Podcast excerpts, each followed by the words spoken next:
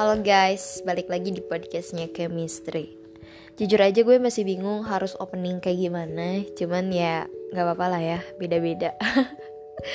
Jadi gue belum dapet opening yang benar-benar itu ciri khas dari podcast gue Cuman ya gak apa-apa lah yang penting uh, podcast ini sesuai dengan namanya Chemistry Bisa apa ya, terjalin perasaan, kemudian pikiran dan lain sebagainya dengan lo gitu ya terjalin hubungan lah ya. Oke okay? uh, sesuai janji aku kemarin eh gue aku kamu ah bodo amat mau pakai apa ya? Sesuai janji gue kemarin yang bakalan kasih tahu tips trik seminar proposal untuk kalian semua untuk kita semua yang mau mengadakan seminar proposal. Ya di sini gue akan coba paparin cuman ini sekali lagi menurut beberapa referensi ya. Kalaupun misal nanti ada yang tidak setuju itu hak lo. Dan ini gue cuma nyampein pendapat gue pribadi aja. Ya uh, perlu teman-teman ketahui kalau misalnya dalam seminar proposal besok itu ya sebenarnya gue juga belum seminar proposal sih. Cuman ini adalah referensi dari beberapa orang dan mudah-mudahan cukup membantu. Ada beberapa hal penting yang memang harus kita perhatikan. Uh, kalau katanya salah satu dosen sih bilangnya ada tiga hal penting ya, tiga hal bagian yang harus diperhatikan. Yang pertama yaitu mengenai konsep penelitian. Nah, jelas banget konsep penelitian ini akan berkaitan dengan apa saja yang melatar belakangi penelitian kamu itu harus diadakan. Kemudian kenapa harus diteliti? Terus urgensinya apa dan sebagainya. Kamu harus hatam banget di bagian latar belakang ini. Karena bisa jadi ketika kamu tidak hafal dengan latar belakang ini judul kamu akan berubah.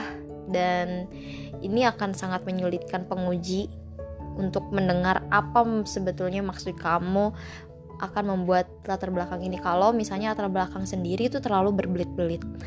Jadi silahkan segera dikerucutkan ya latar belakangnya. Nah kemudian rumusan masalahnya tuh seperti apa? Dari bertolak dari latar belakang yang sudah ada. Kemudian dibuat rumusan masalah. Rumusan masalah ini harus menjawab latar belakang yang kamu buat. Jangan sampai kita membuat latar belakang tapi di rumusan masalah kita tidak menjawab permasalahan yang sudah kita apa ya kita ajukan di latar belakang itu. Misalnya uh, apa ya tingkat kesejahteraan peserta didik berkurang karena uang jajannya sedikit. Tapi di rumusan masalah itu kamu tidak mengatasi bagaimana caranya supaya uang jajan peserta didik itu meningkat sehingga kesejahteraan peserta didik itu dapat meningkat. Salah seperti itulah ya. Itu hal kecil Kemudian yang harus dipahami juga yaitu tentang definisi operasional dari variabel-variabel yang akan diteliti. Dari mana definisi operasional ini? Definisi operasional ini adanya itu dari judul. Jadi kita harus benar-benar tahu, paham apa maksud dari judul kita.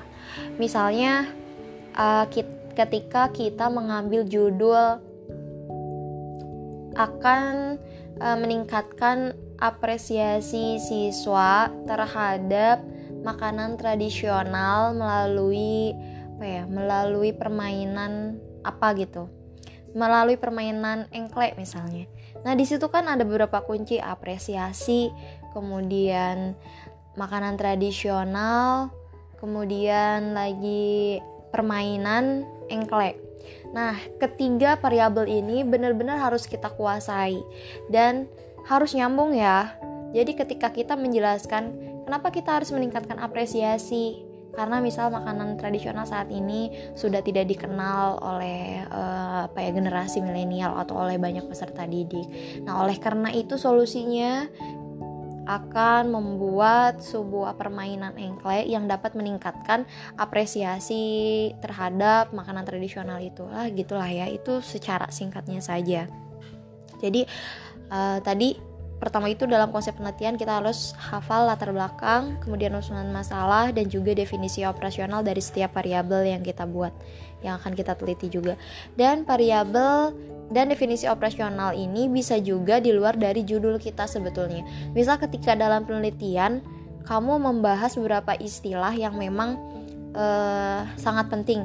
Misal saja itu dalam pengembangan bahan ajar kamu membahas tentang uh, apa ya tentang aduh kok gue lupa ya? Nggak ter ter dulu. Oke lewat aja itu lewat lewat. Nanti kalau misalkan gue inget gue ceritain lagi ya.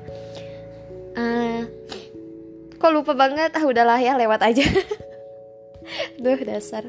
Ya itu ya yang penting tuh tapi intinya definisi operasional itu bisa di luar itu ya bisa oh iya ketika bisa akan mengembangkan bahan ajar nah gue ini itu kan penelitian aku ya eh penelitian gue aku nggak apa-apa lah penelitian gue ya yang mengembangkan bahan ajar nah di metode penelitian itu gue jelasin juga validitas bahan ajar. Nah, makanya lu juga harus menguasai definisi operasional dari validitas bahan ajar itu seperti apa.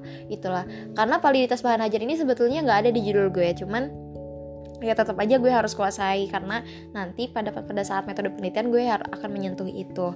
Nah, kemudian yang kedua mengenai kajian konsep dan metode. Ini jelas banget. Ketika kita sudah tahu konsep penelitian kita akan seperti apa latar belakang kemudian rumusan masalah juga definisi operasional lalu kita harus menguasai desain penelitian. Desain penelitian yang akan kita laksanakan seperti misalnya kedalaman wawasan dan pengetahuan tentang yang akan diteliti. Sejauh mana lu ngerti tentang penelitian lu sendiri. Jangan sampai kayak lu pengen neliti tentang makanan tradisional tapi lu sendiri nggak hafal tentang makanan tradisional itu.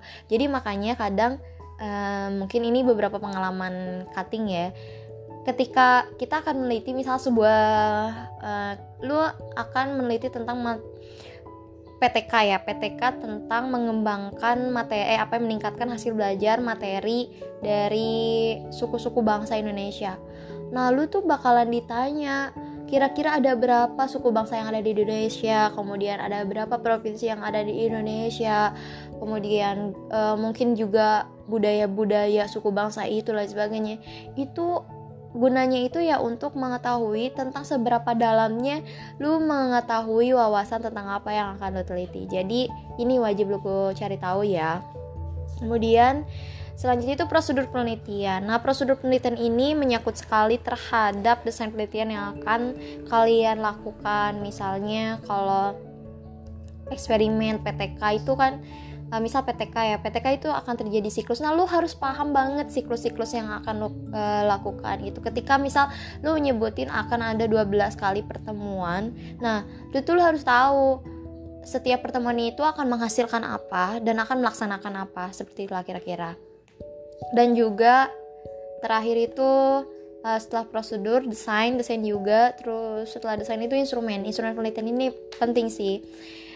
Ini instrumen penelitian ini biasanya itu adanya ketika kita bisa lihat ke balik lagi ke judul kita ya. Judul kita akan seperti apa ini akan menentukan instrumen yang akan kita lakukan. Misalnya judul kita ini membawa tentang kreativitas. Nah, instrumen kita ini akan berkaitan dengan indikator-indikator dari kreativitas tersebut. Seperti itulah. Kemudian uh, ya, yang ketiga yaitu kaitannya dengan pembelajaran di sekolah dasar. Jadi jangan lupa ya bahwa kita ini adalah calon sarjana dari pendidikan guru sekolah dasar. Ataupun yang dengerin ini mungkin mungkin bukan dari pendidikan guru sekolah dasar. Misalnya ini gue ya, misal gue dari PGSD atau kalian dari background bahasa Inggris dan lain sebagainya. Jangan sampai lupa terhadap uh, background lu sendiri. Kalau gue dari PGSD berarti gue akan ngaitin hubungan penelitian gue dengan pendidikan di SD itu kayak gimana. Misalnya tentang pengetahuannya, tentang pembelajarannya, kemudian proses yang akan dilaksanakan, aplikasi, evaluasi, terus pembela perangkat pembelajaran dan bahan ajar seperti apa yang cocok dengan sekolah dasar. Ini harus gue harus hatam banget. Apakah cocok atau tidak penelitian gue ini bisa dilakukan di sekolah dasar. Nah, uh, kalau misalnya lu backgroundnya yang lain bahasa Inggris bahasa Indonesia kemudian matematika atau penjas dan lain sebagainya lu juga harus paham kaitannya penelitian lu dengan uh, background pendidikan lu itu seperti apa gitu loh. Nah selanjutnya uh, itu mungkin ya itu tiga bagian penting harus dipahami dalam proposal gitu. Selanjutnya itu gini mungkin gue akan selalu meyakinkan bahwa penelitian itu bukan seberapa hebat seberapa beda dan seberapa ribet penelitian lo jadi jangan sampai salah ya penelitian itu dibuat itu untuk melihat seberapa seberapa besar kontribusi penelitian lu terhadap penelitian-penelitian lainnya, terhadap permasalahan-permasalahan yang lainnya. Makanya setiap penelitian itu pasti akan bermula dari uh, permasalahan.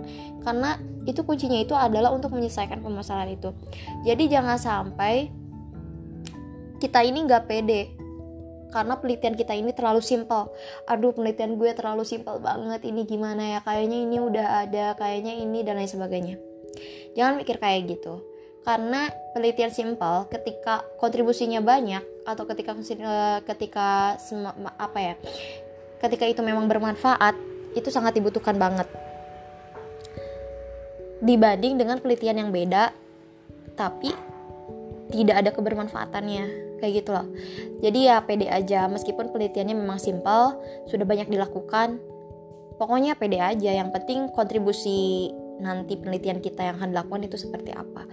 Terus itu berkaitan dengan rasa eh, apa ya ego kita kali ya. Kalau kata temen gue sih ego kita. Jadi ketika nanti seminar proposal itu lu jangan ngerasa lu tuh paling ngerti, paling bisa dengan penelitian lu dan lain sebagainya.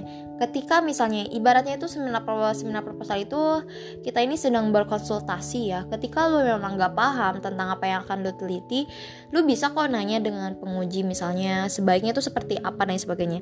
Dan mereka pun akan nanya. Tapi ya lu jangan kosong banget karena ketika lu kosong banget lu bisa dibalikin loh. Lu misalnya pengen neliti ini tapi lu sendiri nggak tahu kayak gitu loh. Nah, ibaratnya ya kalau misalnya memang nanti ditemukan permasalahan ya jangan jangan sungkan untuk bertanya baiknya itu seperti apa dan lain sebagainya. Kayak gitu sih. Itu mungkin beberapa hal yang memang harus diperhatikan ya pada saat nanti seminar proposal. Semangat guys. Ini mungkin podcast yang gue buat untuk menyemangati diri gue sendiri dan kalau misalnya ada yang ngedengar ya alhamdulillah aja sih. Semoga ini bisa jadi bermanfaat untuk kita semua ya. Untuk lo kemudian untuk gue dan akhirnya kita terjalin chemistry gitu loh. Oke okay, baik. Terima kasih sudah mendengarkan podcast ini. See you